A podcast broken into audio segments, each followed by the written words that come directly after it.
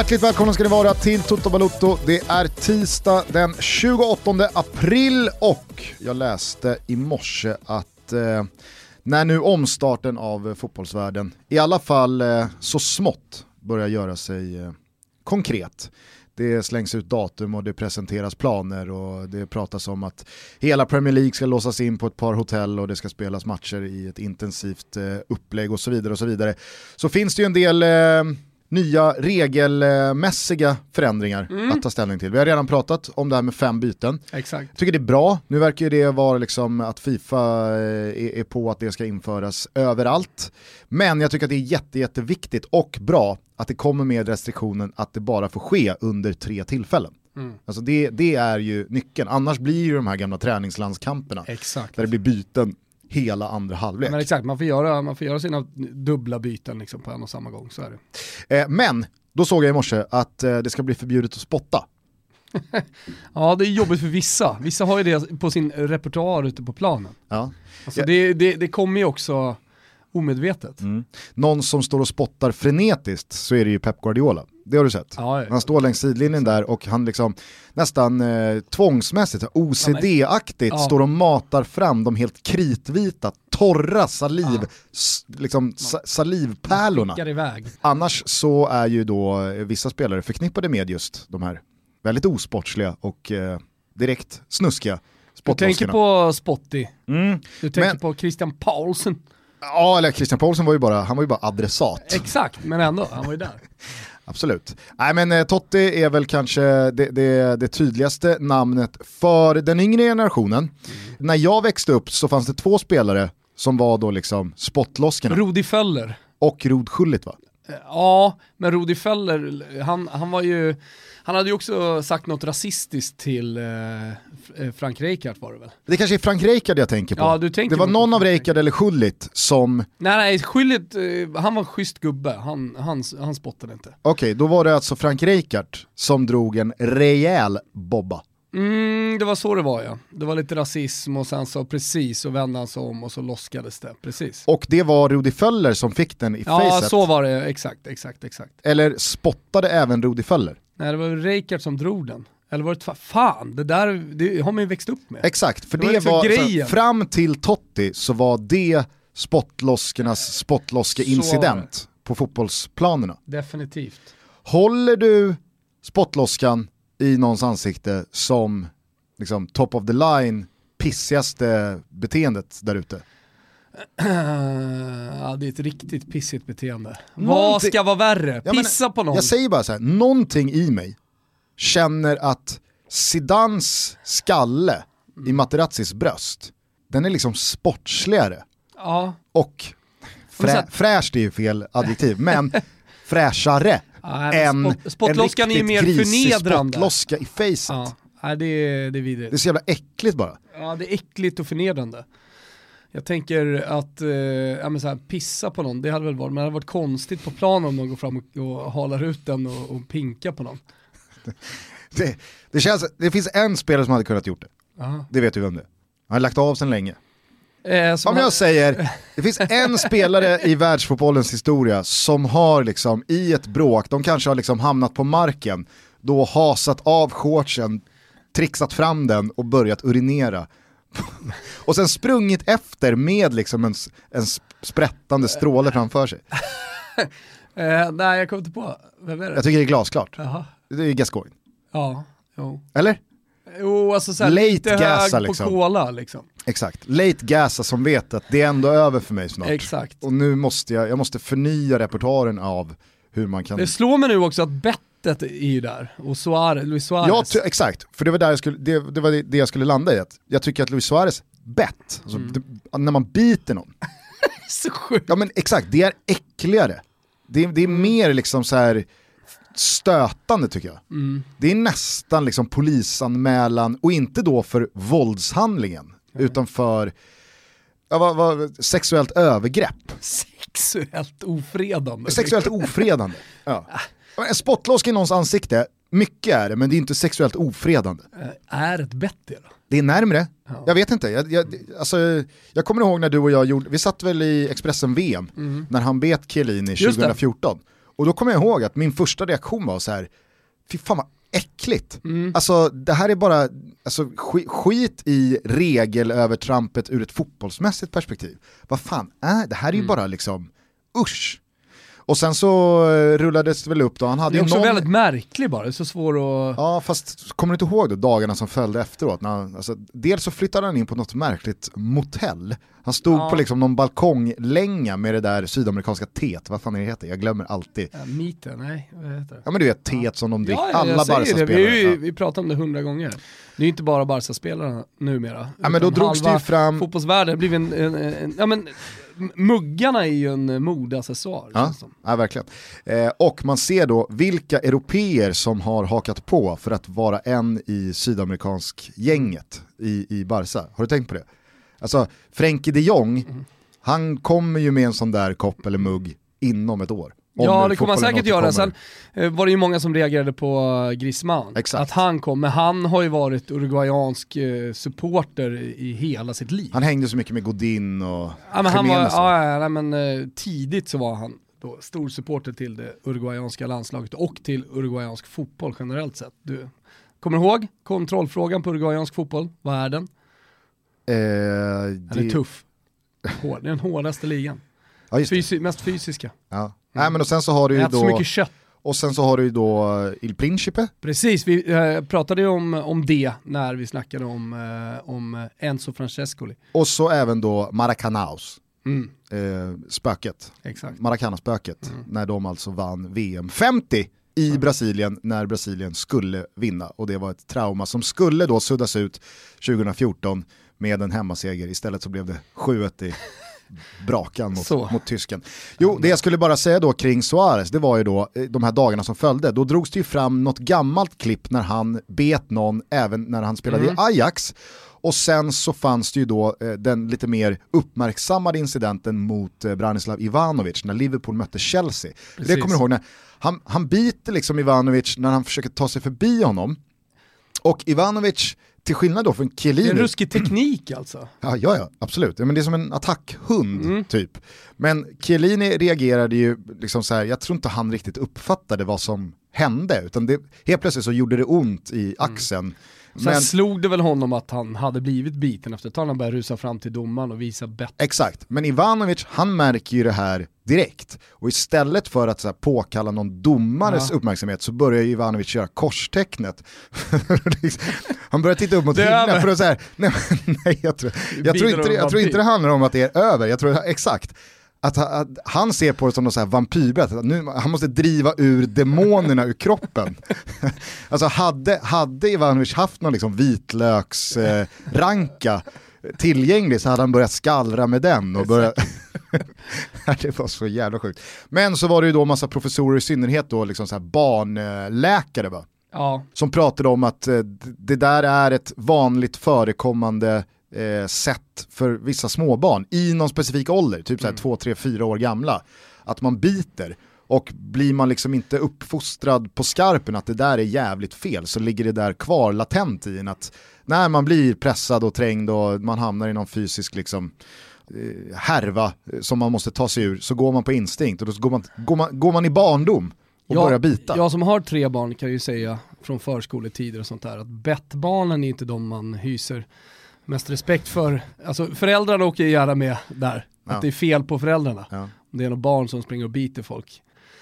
Du har tagit fram situationen mellan eh, Schullit och, nej, Reikart och Ja, Rudi Feller. Och nu kommer här en live-kommentering av eh, Rudi Thomas Feller, han, han liksom trippar fram, han är ju snabb som fan med bollen och så blir han fälld av Reykjart. Det första han gör är att han tittar upp mot honom. Han säger några välvalda ord, de går upp. Man undrar vad som ska hända. Domaren kliver fram här och eh, visar upp det gula kortet. Och Reykjart han skakar bara på huvudet, tycker såklart att det är fel. Feller, vad gör han då när de går därifrån situationen? Jo, han säger några välvalda ord igen. Vad gör Reykjart? Han springer fram, blickar bakåt mot domaren, lägger loskan rätt i örat på honom. Den är ful. Är det Holland-Tyskland eller är det Inter-Milan? Eller är det Nej, nej, det är Roman? Holland, det är Holland-Tyskland. Ja, Det är klass, när, när Tyskland har de här klassiska vita tröjorna med svarta, gula, röda. Så jävla snygga.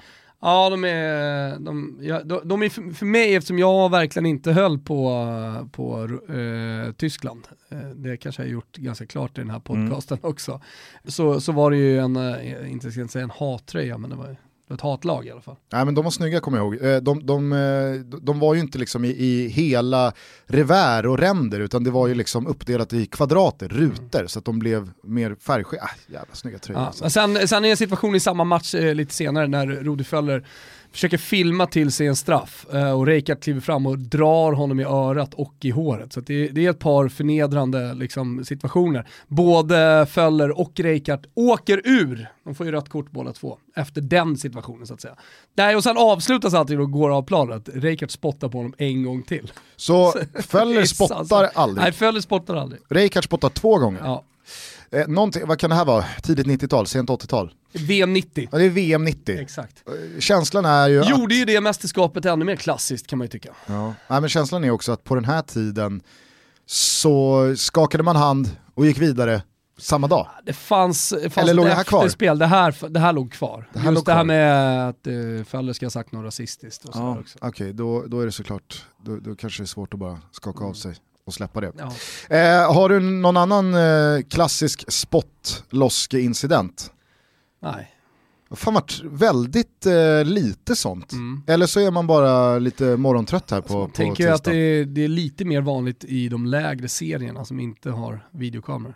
Samtidigt så känns det som att liksom man har respekt för varandra, 99,9% av alla som spelar fotboll vet att, att sätta en spottloska i någons face, i det är någons liksom- face betyder ju slagsmål, det vet man ju. Ja, förutom på Kung Karl för snart två år sedan. Jo, När du spottade mig i ansiktet Jo, visserligen. och jag, jag, jag behärskade mig. Jag höll mig i skinnet. Sa Ja. Thomas, nej det kommer inte gå. Nej. Det kommer inte flyga en näve här. Nej. Men eh, utöver det, utöver Francesco Totti, Thomas Wilbacher och Frank Reichardt så är det Ja. många som har eh, lagt band på sig själva. Hörni, eh, eh, hjälp oss eh, att eh, friska upp minnet om ni sitter och eh, sliter ert hår här nu Mm. och undrar varför vi inte nämner den där klassiska spottloskan. Skriv till oss på sociala medier eller på mail eller någonting. totobalutto.gmail.com. Tack till alla som har hjälpt till med att bildsätta vår etisk-moraliska skala. Ja, det dök upp en dansk-italiensk etisk moralisk skala också. Ja men det var ju för vårt omvända. Exakt. Eh, där med, med danska betygssystemet då, Precis. att det ska vara låga betyg är bra, Ja, men det var roligt. höga betyg är dåligt och så vidare. Har du eh, fnulat någonting på den sen vi såg sist? Jag tycker, jag tycker att den landade bra hos våra lyssnare och, och därför, därför ska vi fortsätta använda den. Mm. Det När att- tillfälle ges så att säga. Ja. Det som har blivit eh, lite skevt det att är ju Micke att, Lustig hamnar längst ner på någons. Ja, ja men alltså det är ju jättepositivt. Ja, det är posi- ja absolut, men att, att han verkligen har fått eh, stämpeln på sig att vara en good guy. Ja men det tycker jag att han har underbyggt ganska bra själv här. Eh, inte minst eh, senaste gången han var med oss och sa att han är kanske liksom Europas mest konflikträdda eh, Jag fotbollsspelare. menar bara efter eh, San Siro. Och nu, vad var han sa, nu tar vi de här jävla fittorna. Det var exakt det han sa. Ja, det var det han sa. Så hamnar han ju kanske lite högre upp på den etisk-moraliska skalan.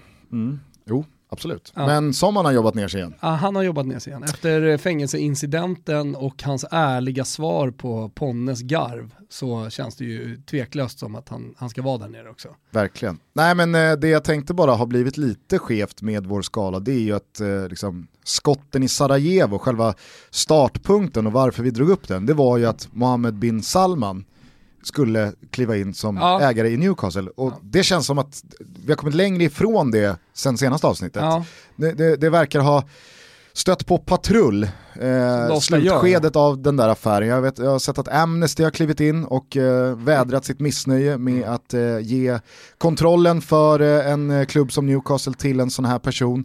Premier League och FA har väl gått ut och sagt att ja, men vi ska granska det här i sömmarna.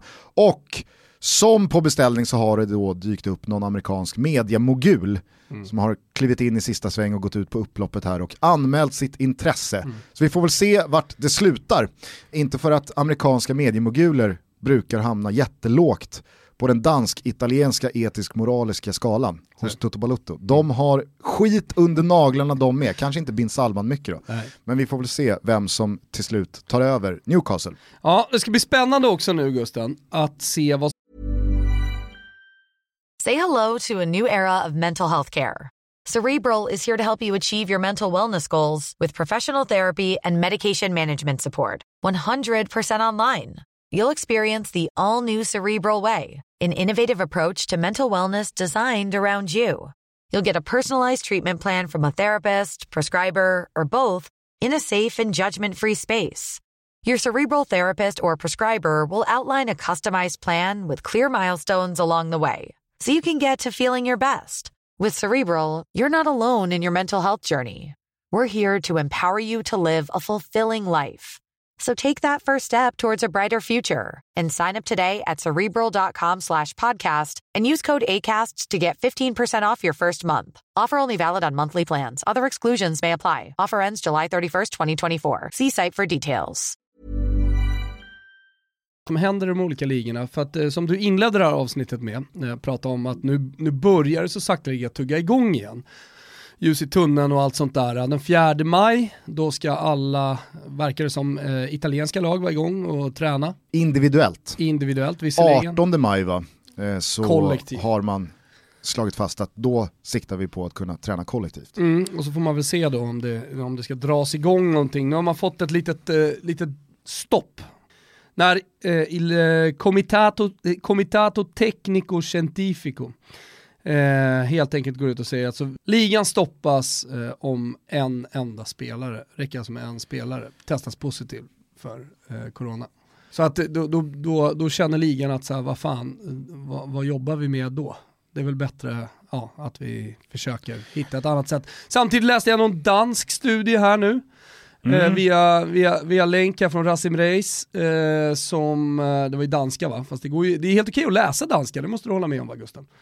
Det är inte som att höra, da. men det är lättare att läsa, det är som franska, det är lättare att läsa för en som kan spanska och italienska än att, än att uh, förstå när de pratar. Alltså vet, min, min danska är så dålig Jo men det är jag, samma ord. Jag, jag, säger bara, igår ja. så var jag tillsammans med min tjej hemma hos ett par för att vi skulle köpa en spegel, eller hon skulle köpa en spegel. Eh, via... Du var bärhjälp. Jag var bärhjälp, jag var hämthjälp. Mm. Och då var den här kvinnan dansk, men man hörde att hon har bott i Sverige länge. Ja. Gift med en svensk mm. också. Man kan ju svenska. Till och med då. Till och med då? Till och med då så var det, viss, alltså det, vissa, liksom, vissa meningar Hängde du inte med? tenderar att bli med. lite för danska, så står man där. Uh, ska jag svara ja eller nej på det här? Ska jag nicka eller ska jag skaka på huvudet? Det är konstigt. Ja, ja. ja. det är jag Kim Källström. Kim Källström, men hur syns du I hanterar den, den kendsgerning att I är 11 mot 10? Ja, det förstår jag inte alltså. men har jag rätt i att I verkar otroligt trötta till sist i kampen? Ja, det förstår jag inte heller. Ja. Men taktisk, hur ska I gripa den andra kampen nästa uge, nästa vecka? Ja, jag känner hvordan, taktisk, hur ska I göra för att uh, ja, ja, nej men att uh, det, det, det är minimal risk att smitta via fotbollsspel. Ja, visst. Alltså... Om man inte spottar på varandra. Exakt. Mm. exakt. Det är fan i att spotta på varandra. Nej, men jag, jag, jag, jag tycker att de här senaste dagarna har varit jävligt märkliga. För att fram tills bara för några dagar sedan så har det känts som att så här, ja men vad fan, vi har, vi, har, vi har alla varit kollektivt överens om vissa saker och ting och juni har varit så långt bort att ja, men det är väl rimligt att prata om det för det känns som att det kommer hända så mycket och under maj så kan vi rulla igång. Så här. Men nu är det slutet av april, nu, pra, nu pratar vi dagar. Ju närmare man kommer de dagarna desto, desto mer, jag vet inte, magstarkt och osannolikt känns det. Och det känns heller inte speciellt bra och rimligt att det ska spelas fotboll snart. Mm. För det, det, är så mycket annat från andra håll i samhället och kring den här pandemin och sjukvården att, jag vet inte, det, det... Men jag, jag kan väl tycka som, man, som någon uttalade så här att eh, om man spelar fotboll utan publik, om klubbarna nu klarar av det rent ekonomiskt, vilket man gör i typ England och, och Italien, mm. så, så kan de väl lika gärna lira utan publik. Eh, så har man, ja, har folket någonting eh, roligt att eh, prata om. Absolut, samtidigt som, ja, absolut. Och, och någonstans måste man ju börja öppna upp samhället igen, någon gång. Det, Absolut, eller? men kan du hålla med mig om att nu när det börjar liksom närma sig så känns det inte som att vi är där än på ett europeiskt plan, att det känns liksom bra. För att parallellt med eh, ligaordföranden eller eh, människor i beslutsfattande positioner inom fotbollen, jag förstår deras frustration. Vi måste igång, klubbar håller på att gå, gå i konkurs, eh, vi måste spela klart säsongerna. Ja visst, jag köper att det låter så från fotbollens håll, men när man parallellt med det läser någon forskare eller någon eh, epidemiolog eller vad det nu kan vara som säger så här, nej, alltså, nej det, det, det, det är helt uteslutet att vi kan rulla igång med liksom, fotboll. Så blir det så här, ah, fan, nej, jag vet inte, det känns bara liksom, det känns inte jättebra och jag läste, jag, jag satte mig in igår tror jag det var, i, i liksom då Premier League-planen. Uefa har begärt någon liksom väldigt eh, genomgående plan från Premier League. Hur ska, hur ska det gå till här nu när ni ska färdigspela säsongen? Ja men då ska man låsa in hela eh, Premier League-cirkusen på 6-7 hotell och sen så har man då tjackat på sig om det var 26 000 coronatester, alltså testkit, för att testa alla inblandade två gånger i veckan. Och då har det varit så här, vänta nu, ska vi, ska vi låta Premier League-cirkusen köpa på sig massa coronatestkit de, när de behövs mm, inom annanstans. sjukvården. Mm. Och så ska vi inte spela matcherna, eller i alla fall så uppfattade jag det, alla matcher ska inte spelas på klubbarnas respektive hemmaarenor. Utan nu pratar vi alltså ganska många matcher på träningsanläggningarna. Vi snackar liksom, du vet, du vet hur de ser ut. Ja. 12 planer bredvid varandra, man spelar på den med bäst gräs för dagen. Inga läktare, det, det kan vara stängsel, det ja. kan vara liksom... Men jag, jag, jag, jag är i en annan situation, jag är liksom vant mig vid så dåliga mobilkamera-streamer. Eftersom jag kollar på väldigt mycket Sankt Erikscupen-matcher nu, mm. eh, vänner och, och, så vidare. Då finns ju dels det här VO-systemet eh, som följer bollen, eh, ett stativ som är, kan det vara en 3-3,5 meter högt följer bollen, du ser eh, matcherna faktiskt helt bra, men även de här Instagram-filmerna tycker jag funkar helt okej okay också när man kör dem på stativ. Så nu i helgen så såg jag väl en tio matcher kanske, Eh, via, satt hela dagarna och kollade på mina kollegor som eh, hade, hade fighter runt om i, i Stockholm. Så, här. så jag har vant mig så jävla mycket med ingen publik, dålig mobilkamerafilm. Kommer någon app nu som är fan helt jävla fantastisk som eh, fotbollsförbundet har gjort. Eh, som heter Min Fotboll där man ja, kan följa, du får laguppställningar och allting. Så jag har blivit van med det här. Klassiskt arbetsnamn som till slut blev namnet. Ja, Ah, vi kör arbetsnamn i fotboll. Ah, och så blev det. Någon som har något annat? Ah, vi får suga på det ah, men det, är ju, det är ju otroligt. Jag kollade på AIK mot Hammarby, fick en 06 som, som spelades i helgen. Och så går man in 10 minuter innan, då får liksom laguppställningarna, det är någon ledare i laget som liksom har lagt in dem och sen så börjar, börjar filmen, någon förälder som berättar lite om hur det står. Eh, det är inte så att de har kommit igång och börjat kommentera den, gudskelov kanske man ska säga. Eh, men men, men det, ge, det, det, det, hjälper min fotbollsabstinens. Sen tycker jag att det är kul att se ungdomsmatcher, jag förstår ju att du inte sätter dig och kikar på det. Jag är mitt inne i det.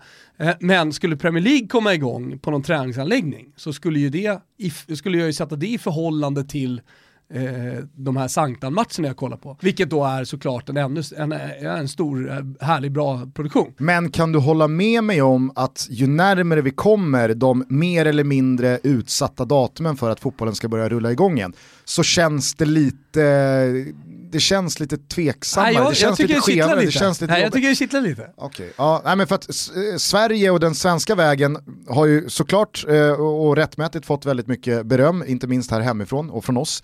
Giesecke och all Vi berömmer oss själva Tegne, Nej, alltså Tegnell och eh, Giesecke och den svenska vägen att behandla coronan. Ja. Sättet Sverige har ja, men, äh, agerat jo, men nu när, länder, nu när länder börjar öppna upp, eh, Precis. så där har ju, här är Sverige ett litet försprång. Precis, men eh, det som var liksom tveksamt initialt ur ett samhälleligt perspektiv, ur ett samhälleligt, ur ett samhälleligt Samhällsperspektiv. ur ett samhälleligt perspektiv, där kändes det som att vinden vände. Do it like Sweden, ja. alltså, vet, och så vidare. Och nu som du säger så börjar vissa länder öppna upp, Norge har börjat kika, alltså det, det såg man igår också att mm. nu, nu passar det för baggarna. Nu, nu Giesecke hade rätt, all the way. Men när det kommer då till det fotbollsmässiga så har ju eh, den svenska vägen fått väldigt mycket medial speltid även utomlands här de senaste dagarna. Att då SEF och, och klubbarnas eh, ambitioner är att rulla igång med kuppspel inför publik mm. i början på juni som någonting helt liksom, mm. nej men det här, det här, det här är så, det, det är så, liksom, det är så snedtänkt så det fan inte finns. Samtidigt som det då stängs ner krogar i Stockholm och det, det, alltså, det känns... Jo men, jo men att ha planer, till, jag, jag förstår liksom inte hur att, att ha planer är någonting dåligt. Det är väl jättebra att man planerar för saker och ting och sen så kan man fatta andra beslut när man närmar sig om det är så att situationen är allvarligare då än vad man hade då tänkt sig i de här olika det, modulerna som han pratar om, eh, eh, Tegnell. Så att det, det, är väl bra att vi, att vi planerar för det. Mm. Och, och planerar för alternativa möjligheter att öppna upp också. Eh, sen som jag läser att så här, spelare eventuellt ska spela i, i sådana här munskydd och grejer, det fattar ju alla att det inte kommer hända. Men, men det, det är inte i Sverige då, men i, i, andra länder så har man ju pratat om det. Eh, det, det, kommer inte funka. Men, men just att, eh, att, man, att man planerar för liksom, nästa steg hela tiden, det tycker jag är positivt. Nej men sen, eh, alltså det, det, stora ljuset, den stora strålkastaren som riktades mot Sverige, det var ju Zlatans internmatch med Hammarby. Mm. Det, det fick ju liksom Lagazzetta dello Sport att skriva om fotboll igen och liksom så här, dra, på, dra på den stora växeln och mena på att Zlatan minsann är i dunderform. Och sen var det ju lite kul att se Bayern. Bayern, Bayern, Bayern, Bayern på första sidan. Just idag är jag stark, deras kampanj som de hade i liksom La Gazzetta dello Sport. Ja. Det var speciellt, det måste du hålla med om. Ja, verkligen. Och liksom ett tomt Tele2 och, och men bara så här, Hammarby, de första, första sidan, sida två, sida tre, mäktiga uppslaget, och översatt då, proprio oggi sono forte, just idag är jag stark och så. Nej, men jag tyckte, det, jag tyckte alltså, för några veckor sedan när, när Zlatan gjorde sitt Kanske första pass Kanske är det konstigaste i allt som vi, den här tiden vi lever i just nu. Så är det här det, det absolut mest chockerande och märkligaste som har hänt. Just idag är jag stark på La Gazzetta dello Sports första, första sida. sida. Och Zlatan i Hammarbytröjan. Ja. Alltså ja, men... den, släng upp den! Folk pratar om, om, om det där. Ja. ja men, eh, backa ett år. Backa ett år, ja. Och säg det så är det tvångströja in i en svart van, du kommer aldrig mer komma ut igen. Eh, så, där har du det. Liksom, när Zlatan i Bayern pikade, liksom, när Tänk om det här händer om ett år. Tvångströja, svart van, rakt upp till Fantomen. Så är det. In i darkroomet. In i darkroomet. Eh, nej men jag skulle bara säga det, jag kommer ihåg när Zlatan gjorde sin första eh, träning där med, med Bayern och så satt jag och nämnde då så här, men, vet, att Zlatan tränar med David Fällman. All respekt åt David Fällman, men bara så, så här, mm. den, det här var ju också så här, det var, det var ju next level när då Frej blandas in. ja. Norrättan. Ja, exakt. Det är så här, några av de spelarna, att de ja. 2020 tränar med Zlatan Ibrahimovic. Mm. Väldigt svårt att tänka. Och då hade ju då hade alla tidningar hade inte riktigt fattat vad, vad det var som försiggick. Liksom. Att det här var en intern match och Corriere dello Sport, de trodde att de mötte ett lag, mm. ett annat lag som jo, var det... Il Bajan. Ja. Alltså de fick inte ens Bajen rätt. Så det, det var Il Bajan mot Hammarby. Det som var lite liksom, löjligt, det var ju att liksom, ja, men att, att Bayern med då Jesper Jansson kanske i spetsen som då pratar om att nej, men det här var ingen match, det här var tävling på trä... Ja, men vad fan... Man vet ju att den här journalisten på Corriere väl... Sport hade sett en tröja där det stod Bayern på ryggen och så fick han det bara lite fel. Ja, jo, jo, så var det. Vad var det det stod? Ja, det stod det, äh, släng vem fan bryr sig om ja. det? Det är en Romtidning. Nej men det kändes bara som att vi, vi, vi, kan väl i alla fall, vi kan väl i alla fall liksom sluta låtsas som att det där inte var eh, liksom matchspel. Och sen så var ju Discovery inköpta på hela grejen. Det var ju även, alltså jag tyckte det var otroligt ändå. Alltså det var ju första gången jag hade sett det, att mm. Discovery pröjsar Zlatan för att han via sina sociala medier ska plugga för sändningen. Ja. Det, är liksom så här, det var något nytt i alla fall. Ja. Sen så behöver man inte lägga någon större värdering i det, ja. men det var i alla fall nytt. Det jag skulle komma till var i alla fall att det här ledde ju fram till då en jävla diskussion under eh, fredagen då, fredags eftermiddag när den här matchen hade spelats, eller tävlingen på träningen och så vidare. Det, det, det var ju olika läger som då eh, antingen kritiserade Bayern jävligt skarpt, däribland Tegnell och så vidare, han höll ju sin presskonferens vid 14, matchen var väl vid 10 typ, 10 halv 11. Men det jag inte fattade, det var ju så här, jo men då hade ni väl kunnat säga till Bayern för att det här kom ju ut redan på torsdag, mer än ett dygn innan, så var det ju överallt att imorgon klockan 10 eller 10.30 när det nu var, så ska Bayern spela vad alla fattar är en internmatch. Mm. Discovery sänder och hej och hå. Om det nu, alltså så här, om det nu var ett sånt brutalt övertramp och det här är 100% rakt emot reglerna mm. och, och, restriktionerna, Va- Varför gick ingen in och, och liksom så här, ja men då står Tegnell och kritiserar Riksidrottsförbundet och, ja men någon hade väl kunnat säga, eh, Tegnell, imorgon kommer Bayern spela fotboll, alltså Mm. de, imorgon kommer de spela en fotbollsmatch. De kommer kalla det för något annat, men det är det som kommer ske. Titta här. Jag, jag, så att, jag vet inte, jag, jag tyckte det blev lite tandlöst att kritisera Bayern efteråt, när det fanns alla eh, timmar i världen. Att säga, Mm. Men jag hörni, tror- det här får ni inte göra. Nej, nej. Och så jag tror att många är försiktiga i det här läget i och för sig eh, att, att kritisera och liksom att gå i polemik och sådär. Men, eh, och så att det, det kanske tar lite Vadå, tid. vad menar du? Alltså, Nej, men, eh, så att man inte direkt eh, liksom tar en intervju och börjar kritisera utan att man, man, det, det är så nytt och man vet inte riktigt vilket ben man ska stå på. Jo men vadå, vadå alltså, så här, Men, så Tegnell stod efteråt Ja. och kritiserade, alltså tyckte det var helt, ja, alltså det är, glasklart vart gränsen går och det här, är, det här är strider mot restriktionerna och, och reglerna och det finns ett väldigt tydligt Men han har regelverk. väl andra var- saker att göra? Jag, Jag än att kolla vet- på, jag- har koll jag på vad säger- Bayern håller på med. Ja, fast jag säger bara att om det nu var så jävla tydligt övertramp så fanns det ju mer än ett dygn för då RF eller eh, liksom, vilka det nu är som är den beslutande instansen att bara så här, säga nej ni kan inte göra det här. Och är det ingen som gjorde det, vad fan, då, då får man väl... s- Det vad det är! Zlatan fick en hel, Bayern fick en hel sida i La Gazzetta dello Sport, det, det tyckte jag var roligt. Ja. Sen måste jag bara säga det. Jag, eh, jag, jag diskuterade det här med Olof Lund i Fotbollsfredag, som går på Simor och eh, Fotbollskanalen. Mm. Och nu kör ni på eller? Inte på fredag i och med att det är första maj och röd dag, men eh, nästa vecka är vi tillbaka. Mm. Eh, och då så ja, men, pratar vi om det senaste som har hänt och inte hänt Mm. i fotbollsvärlden och inte minst då fotbollssverige. Och då var ju det här väldigt... Jag har tagit kontakt med Patrik Ekwall. Jaha, Mm. okej. Se om vi ska göra något motdrag mot er. Ni kanske sätter upp ett eget budgetalternativ då, mobilkamera och prata, Varför prata inte? Varför inte? Nej, okej. Hur som helst så var ju det här eh, en eh, inspelning som skedde precis efter Tegnells eh, Mm. presskonferens då. Och det var precis efter Zlatans intervju som han gav efter den här internmatchen eller tävlingen på träningen.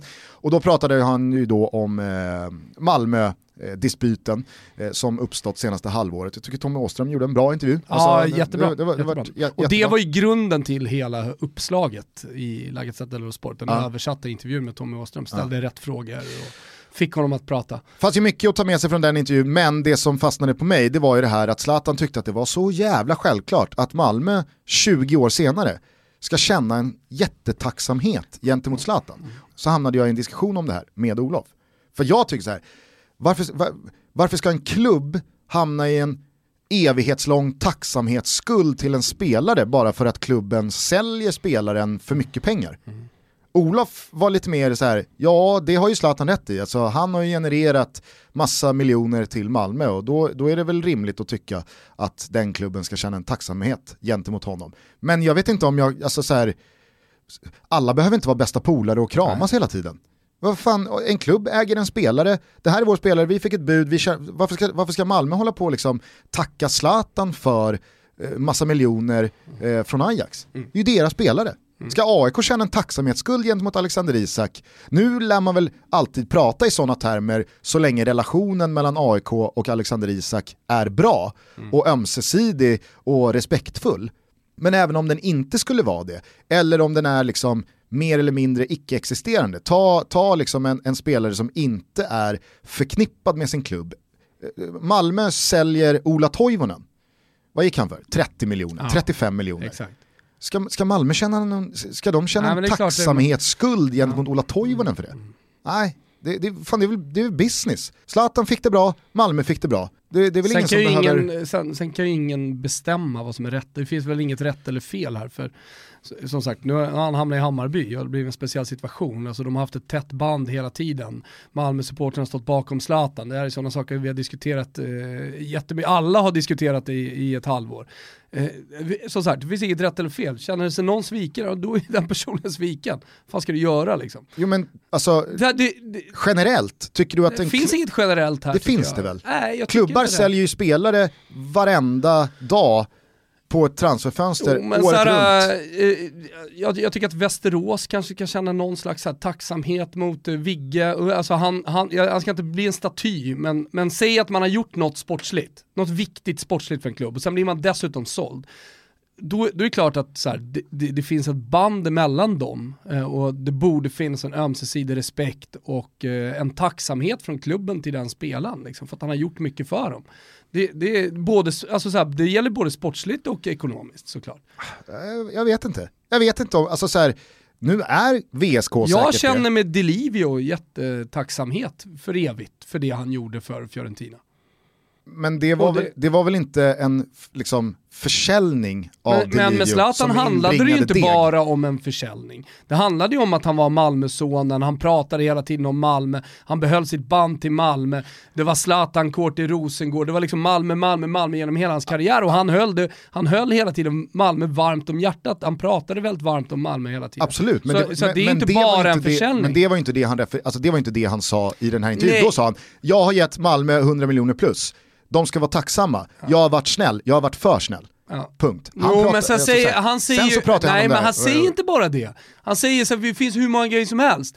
Och, och alla, eh, folk som känner till det här, de, de vet vad jag snackar om. Så säger han. Ja, så det är klart att det ligger en massa andra grejer, det är inte bara så här 100 miljoner. Det är klart att han refererar till andra saker när han säger att de ska känna en tacksamhetsskuld. Så jag, jag, jag, jag kan absolut tycka att det finns någonting i det. Ja, men... Även om den är, den, den, den är såklart skev. Nu, nu, nu, eh, nu antyder ju Zlatan väldigt tydligt här att det finns massa saker som allmänheten inte känner till. Och det gör inte jag heller. Nej. Men det jag vet är att Malmö hade en kontrakterad spelare som de sålde till Ajax. Mm.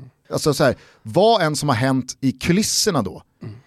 förändrar ju inte mitt generella sätt att se på att en klubb säljer sin spelare, får massa pengar. Det, det är ju så det går till. Jo, fa, jo nej men, eh, med, med Zlatan så finns det väldigt mycket mer och, eh, som man absolut ska värdera. Ja, men det finns när man pratar som om tacksamhet, på det faktumet. När man pratar om tacksamhet, nej men det, det faktumet, det är väl inte så jävla enkelt. Man kan inte bara förklara den situationen. Zlatan Malmö kan du inte förklara med, med 100 miljoner, bara. Tycker okay. inte jag i alla fall. Vi är denna vecka sponsrade av våra vänner på StayHard och ni hittar deras helt otroligt matiga utbud som alltid på stayhard.se. Och nu Thomas, nu har StayHard bestämt att trots eh, 4-5 grader och snöblandat regn idag tisdag så är det vår. Härligt, jag gillar när Stay Hard kliver in med pondus och ja. bestämmer över vädret. Nej men eh, det är valborgsmässoafton i antågande, april ska bli maj så att jag tycker att helt snett ute är de inte trots det. att det kan vara lite halvruggigt väder just idag. Paz aprile säger man eh, i Italien till och med galna april. Mm. Det kan skifta. De har aldrig sett i så fall hur det är i Sverige. Och galet verkar det även vara under april månad hos Stay Hard. Just nu får alla Toto Balutto-lyssnare 25% rabatt på valfri vara. Eh, det här gäller ordinarie pris, inte produkter märkta med no discount. Det här erbjudandet gäller till och med 4 maj och det är koden BALUTTO25 som gäller när du lägger din beställning på stayhard.se. Och gör det innan klockan 13 13 på dagen för då får man nämligen sitt paket redan dagen efter. Ja, det är supermäktigt. Det är bara in och gotta er hela utbudet på stayhard.se. Vårjacka, snygga sneakers eller varför inte de här mjuka byxorna med hur mycket stretch och rörlighet som helst. Eh, till exempel då Soft Chino från Studio Total. Passa på Stort hörni. tips. Stayhard.se, det finns över 250 varumärken att välja mellan. Balutto25 är koden. Vi säger stort tack till Stayhard för att ni är med och möjliggör Toto Balutto. Grazie mille. Jag såg på nyheterna i morse att eh, trots eh, coronapandemins framfart så finns det en eh, mängd lediga jobb. Mm, det finns det. Och då kanske folk tänker så här, hur ska jag hitta de här jobben? Jo, då går man in på randstad.se Gusten. Precis, där får man all hjälp man kan tänkas behöva i jakten på ett arbete. Ja, det bra att du säger vara... all hjälp, måste jag säga här. Ja. All hjälp. För att det här gäller verkligen alla, oavsett om man har, har varit student och ska in i arbetslivet, man söker sommarjobb, eller man bara helt enkelt vill byta bana eller gå upp sig i karriären, man vill kika över arbetsmarknaden, vad finns det där ute, eller hur? Precis, Randstad.se vänder sig inte bara till dig som står utan jobb, utan eh, de vänder sig till precis alla som behöver någon form av hjälp vad gäller sitt arbetsliv och sin karriär. Så är det. Vi säger stort tack till Randstad för att ni är med och möjliggör Toto Balutto. Hörru, vet du vad jag tycker vi gör nu? Vi ringer utrikeskorren! Ja, nu tycker ja. jag att vi ringer Danne Larsson nere i Grekland för att höra om hur mycket det egentligen spottas i varandras ansikten mm. där ute på plan. Tjena Danne, Janne här, har du Sams nummer?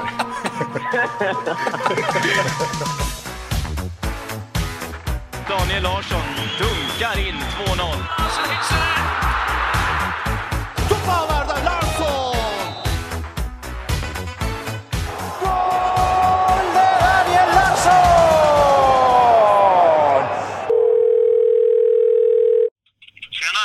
Hur är läget? Eh, jo, men det är, det är väl rätt så okej ändå. Man vill ju ändå ringa och kolla just läget för att eh, jag såg någon studie som man har gjort eh, där många fotbollsspelare är deprimerade just nu. Så man vill ju stämma av liksom så att allt är okej där nere. Ja, nej, det är inte mer än vanligt. Det är, det är jämna plågor. Ja, ja. Nej, men det är fan, eh, det är överkomligt. Jag har kanonväder nu. Så det mår jag ganska bra av. Hur, eh, hur klarar eh, grekerna restriktionerna nu när eh, temperaturen börjar närma sig 25-30? Att inte sitta ute och dricka kaffe, röka och dricka bärs? Det går sådär. Eh, men det går nog också sådär för de som bestämmer. För nu verkar det mer... Nu har de typ öppnat upp för den här strandpromenaden här igen. Precis lagom till detta vädret. Så jag vet inte vem som har tagit det beslutet. Men de är väl också rätt så onojiga tror jag. Det är väldigt få fall här. Tillåt mig att lägga ut en generaliserande teori om detta. Alltså det är tillräckligt många näringsidkare som är beroende av att strandpromenaden är öppen. Att de har skjutit in en liten katt på vad som dras in i dagskassorna till de beslutsfattande personerna och så är det win-win för alla då om man bortser från de som drabbas av coronan. Det skulle kunna vara så, men alla näringsidkare är fortsatt tvingade att hålla stängt. Så jag tror inte att de gynnar så mycket av det. Det är bara det att folket går ut ändå nu. Ah, Okej, så att Men eh, eh, o- jag o- det är rätt i sak. ologiken blomstrar än en gång i Grekland. Så är det. Jag ringde till mitt, eh, jag ringde till mitt eh, resebolag. Jag tänkte ta mig lite mer söder om Har du, ett, Thessaloniki. eh, har du ett resebolag? Klart jag har. Jag har ett jag använder när jag åker till, eh, till Grekland. Det börjar på A. Slutar på Pollo. Och de, de, eh, de sa mer eller mindre till mig att du kan glömma den där resan för att UD kommer säkerligen förlänga rekommendationen att inte åka och då kommer inte några plan lyfta. Så att jag, jag hade hoppats på att komma ner till dina breddgrader Danne, men det verkar inte som det blir av.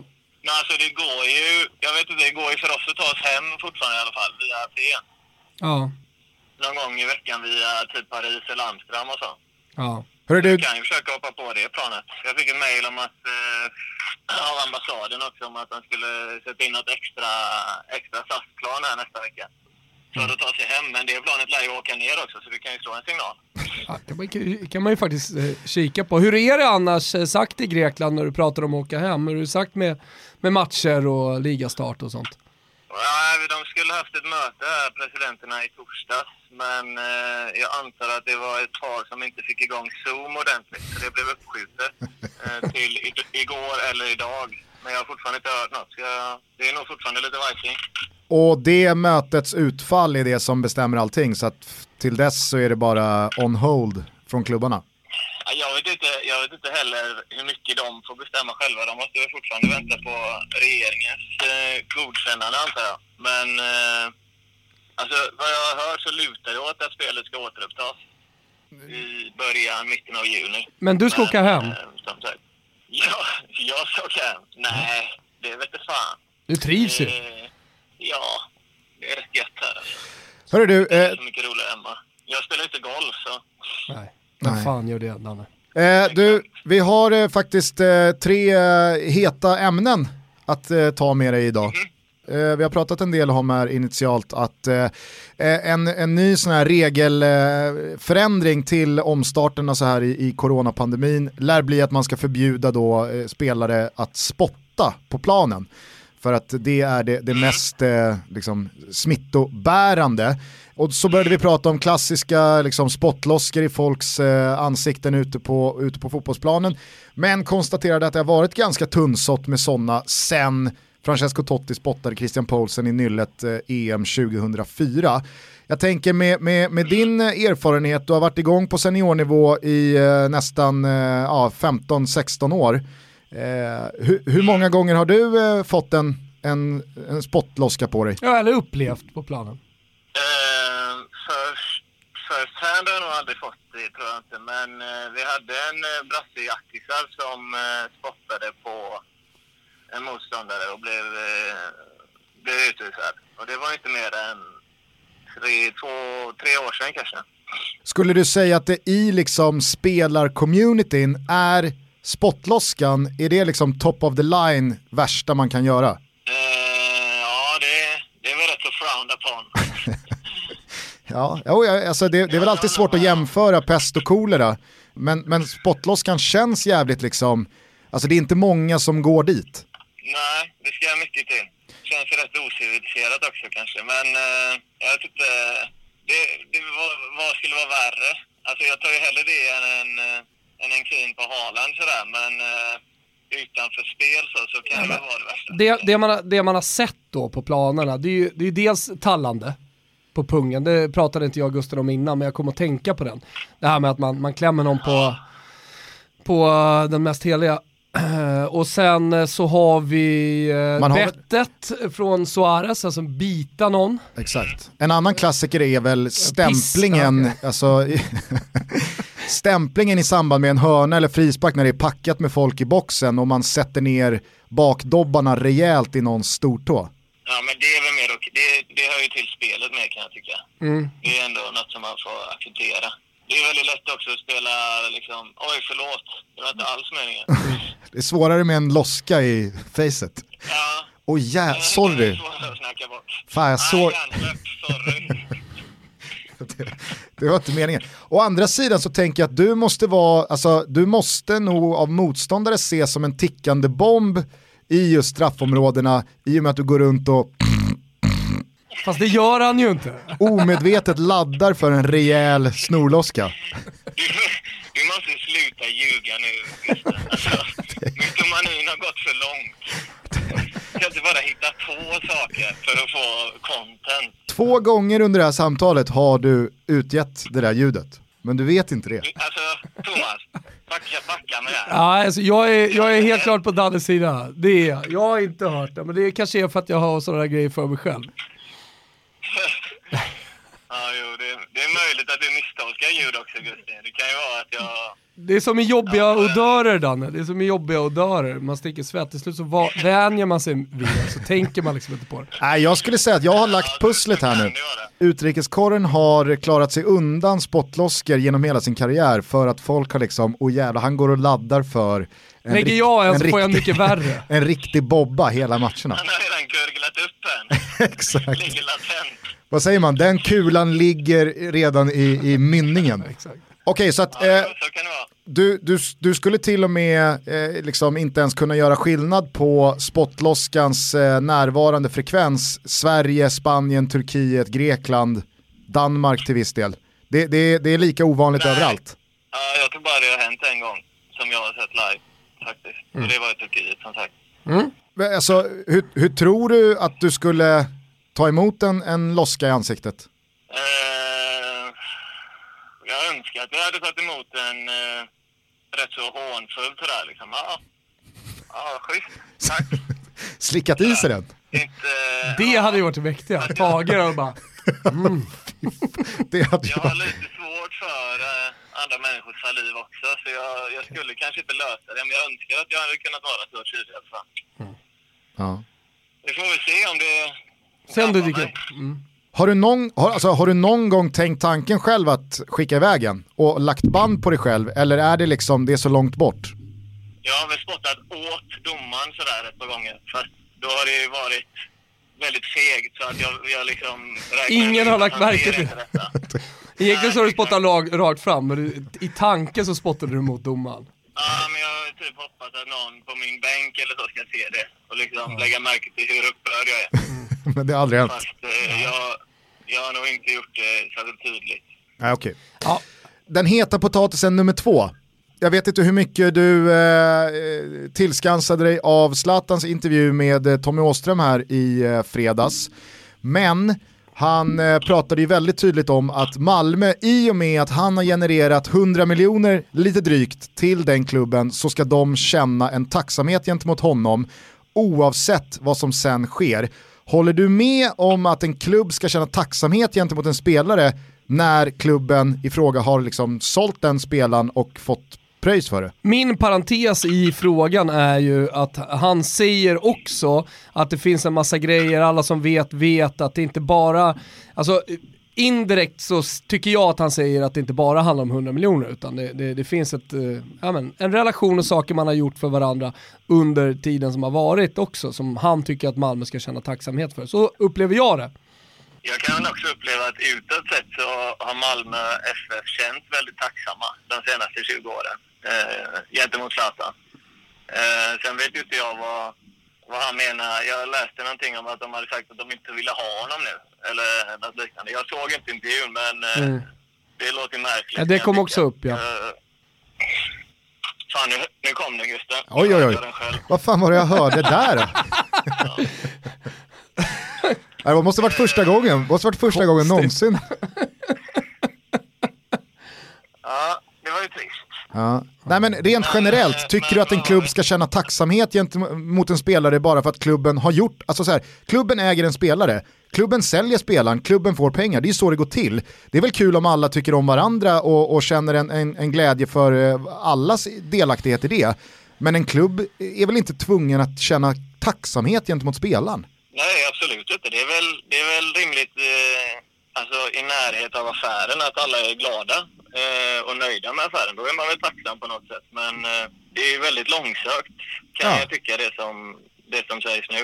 Exakt, och, och det är det jag menar att visst, jag har inte heller någon koll på detaljerna Zlatan hintar om och refererar till, men om Malmö säljer sin spelare för 80 miljoner till Ajax och får massa pengar för det, ja, de får ju 80 miljoner för det och kan köpa spelare och lite senare vinna SM-guld och så vidare.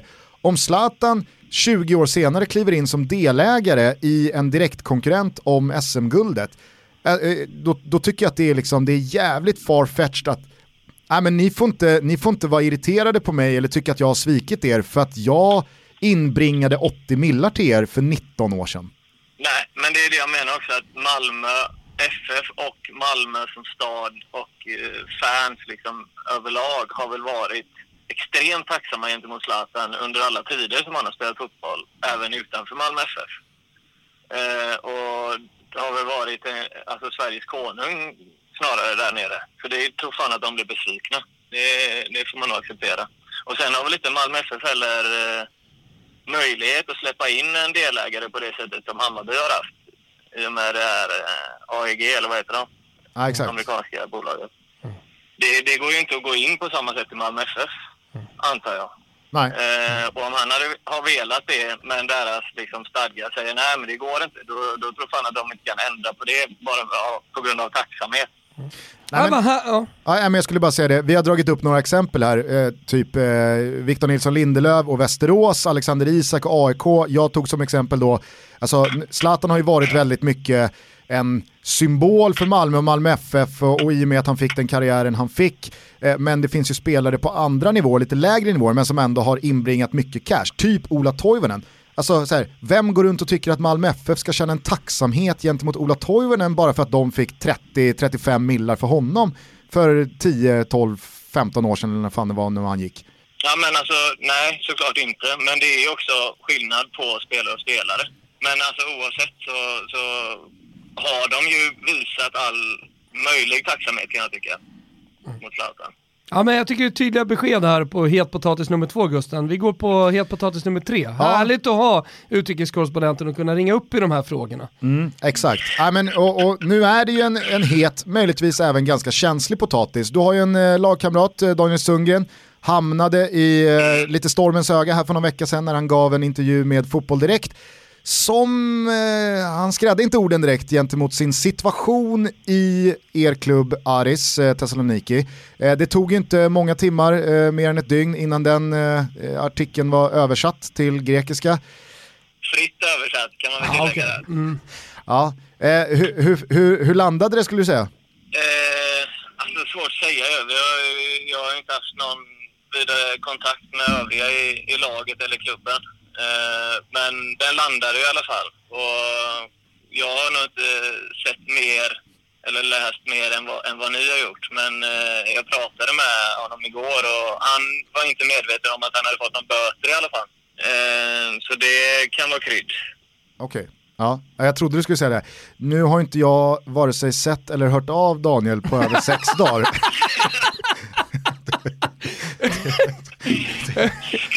Vi var och, jag var och knackade på här, fick inget svar. ja. Eh, Nej, inte än har inte gått ut. Men eh, rent Men, spontant så eh, känns det som att eh, han, han eh, tog i vad gäller eh, själva beskrivningen av relationen till presidenten och tränaren. Mm, ja, presidenten vet jag inte om han har så mycket, men han pratar väl om sportchefen i så fall tror jag. Okej, ja. Men eh, alltså det är ju eh, det är ju ansträngt och jag tror ju absolut att han beskriver sin sanning.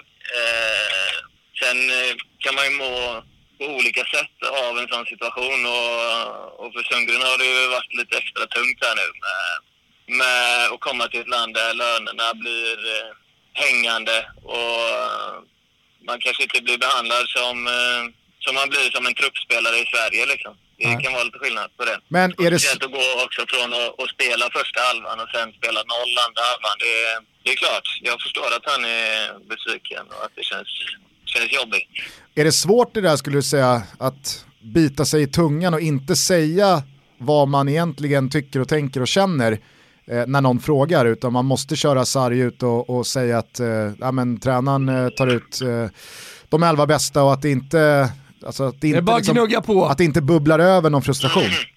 Ja, alltså det kan väl vara... Jag, jag tycker att det är skönt att höra någonting annat också, i och för sig. Men eh, för sin egen situation så, så kan det nog vara vettigt, speciellt i, i dessa delar av världen där, eh, där, där folk kanske är mer aggressiva och agerar på, på impuls lite mer. Så, så gör det ju kanske mer ont att få höra de sakerna eh, som ledare för lagen.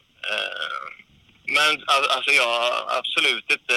Jag tycker inte han ska ångra sig eller liksom filtrera bort någonting. Utan han har sagt vad han känner så, så har han ju sagt det. Då får man acceptera det. Sen landar det väl kanske sämre här. Mm. Ja, det, det kan man ju förstå. Nej, men sen har ju folk en förmåga att försvinna runt det. Jag minns ju italienaren som bodde granne med det som försvann spårlöst senast och nu var det Daniel Sundgren som nästan var, som var försvunnen. Så, ja, det är något märkligt där. Ja, ja vem skyller du på mig eller? Jag skyller inte på någon, jag bara konstaterar att Sundgren mer eller mindre har varit borta i sex dagar och en italienare försvann i, i, nere i Turkiet. Det, det är ett mönster som jag, som jag inte blundar för. Oroväckande. Ja, det är jävligt oroande när man går in på Sundgren WhatsApp, såg senast 21 mars 12.36. Ja men det är härligt, Eh, vi, vi tar med oss visdomsorden eh, Danne och sen så eh, får du kriga på där nere. Vi, vi hör av oss snart igen. Absolut. Ja, ni är så välkomna. Hälsa Lollo, barnen och eventuellt då Sundgren. Ja, det ska jag göra. Lovar. Bra, Ska försöka tag på honom. Hörs vi. tjabba. Många som frågar vad händer med Pokétoto, denna enorma succé här framöver? Jo, vi tar lite paus och vi gör det och laddar batterierna och under tiden så blickar vi mot travet. Och inte bara travet i någon slags här trist eh, vardagslunk, vi blickar mot Elitloppet. Vi blickar mot Elitloppet, vi börjar värma upp, eh, vi kommer med mer information i veckans andra avsnitt. Men lägg travtoto på minnet. Det ska bli väldigt kul. Kom nu ihåg att spela ansvarsfullt och att du måste vara över 18 år för att spela. Behöver du stöd så finns stödlinjen.se. Hörni, vi eh, hörs snart igen. Eh, ta hand om varandra där ute. Håll i spottloskorna, ni som eh, tränar på och kanske kör tävling på träning. Eh, I övrigt så är det väl bara att eh, önska alla en eh, trevlig tisdag. Ja, ha en eh, trevlig vecka allihopa. Vi är som vanligt som sagt tillbaka med ytterligare ett avsnitt. Det ser vi så jävla mycket fram emot i slutet på veckan. Jag måste bara innan vi eh, slutar, snabbt säga, eh, en sån här dag, eh, det är väl inte bara i Stockholm det är eh, 4, 5, 6 grader och snöblandat regn, utan det verkar vara ganska deppigt väder runt om hela landet. Simor har verkligen beefat upp utbudet av gamla matcher, inte bara fotboll, det är ju många som lyssnar på det här för att man är ett stort hockeyfan, hockeytutto och så vidare och så vidare. Det finns klassiska matcher från SM-finalerna, mycket golf, Stensson-segrar, det finns ja, men, mästerskapsmatcher från både dam och herrmästerskap i fotbollen. In på Simor och eh, grotta ner er i eh, de här gamla klassiska matcherna eller dokumentärerna som finns där. Vi säger stort tack till Simor också för att ni är med och möjliggör Toto Balotto. Stort tack, stort tack. Nu eh, tar vi oss ut i det här ruskvädret Gusten. Jajamän. Och så gör vi vecka av detta. Vi är tillbaka som sagt med entusiasm och eh, väldigt mycket optimism eh, i slutet av den här veckan. Toto Balotto rullar på med två avsnitt hela tiden under de här tråkiga coronatiderna. Ja, på tal om tråkig och coronatider, alltså det, det är trist såklart att avsluta ett avsnitt med eh, en, en dålig nyhet. Ja. Men du vet den här premiumgästen jag har lovat. Ja. Han är ju i den så kallade riskgruppen, eh, åldersmässigt. Så att eh, han har faktiskt velat avvakta och eh, skjuta upp sin medverkan i Toto. Och det respekterar vi givetvis eh, till fullo. Så att eh, ni som har suttit och väntat och vridit och tänkt och vänt på vem fan kan det vara som ska gästa Toto? Eh, ni får tyvärr vänta ett tag till, men han kommer. Yes! Vi hörs snart igen, ta hand om er, ciao tutti! Ciao.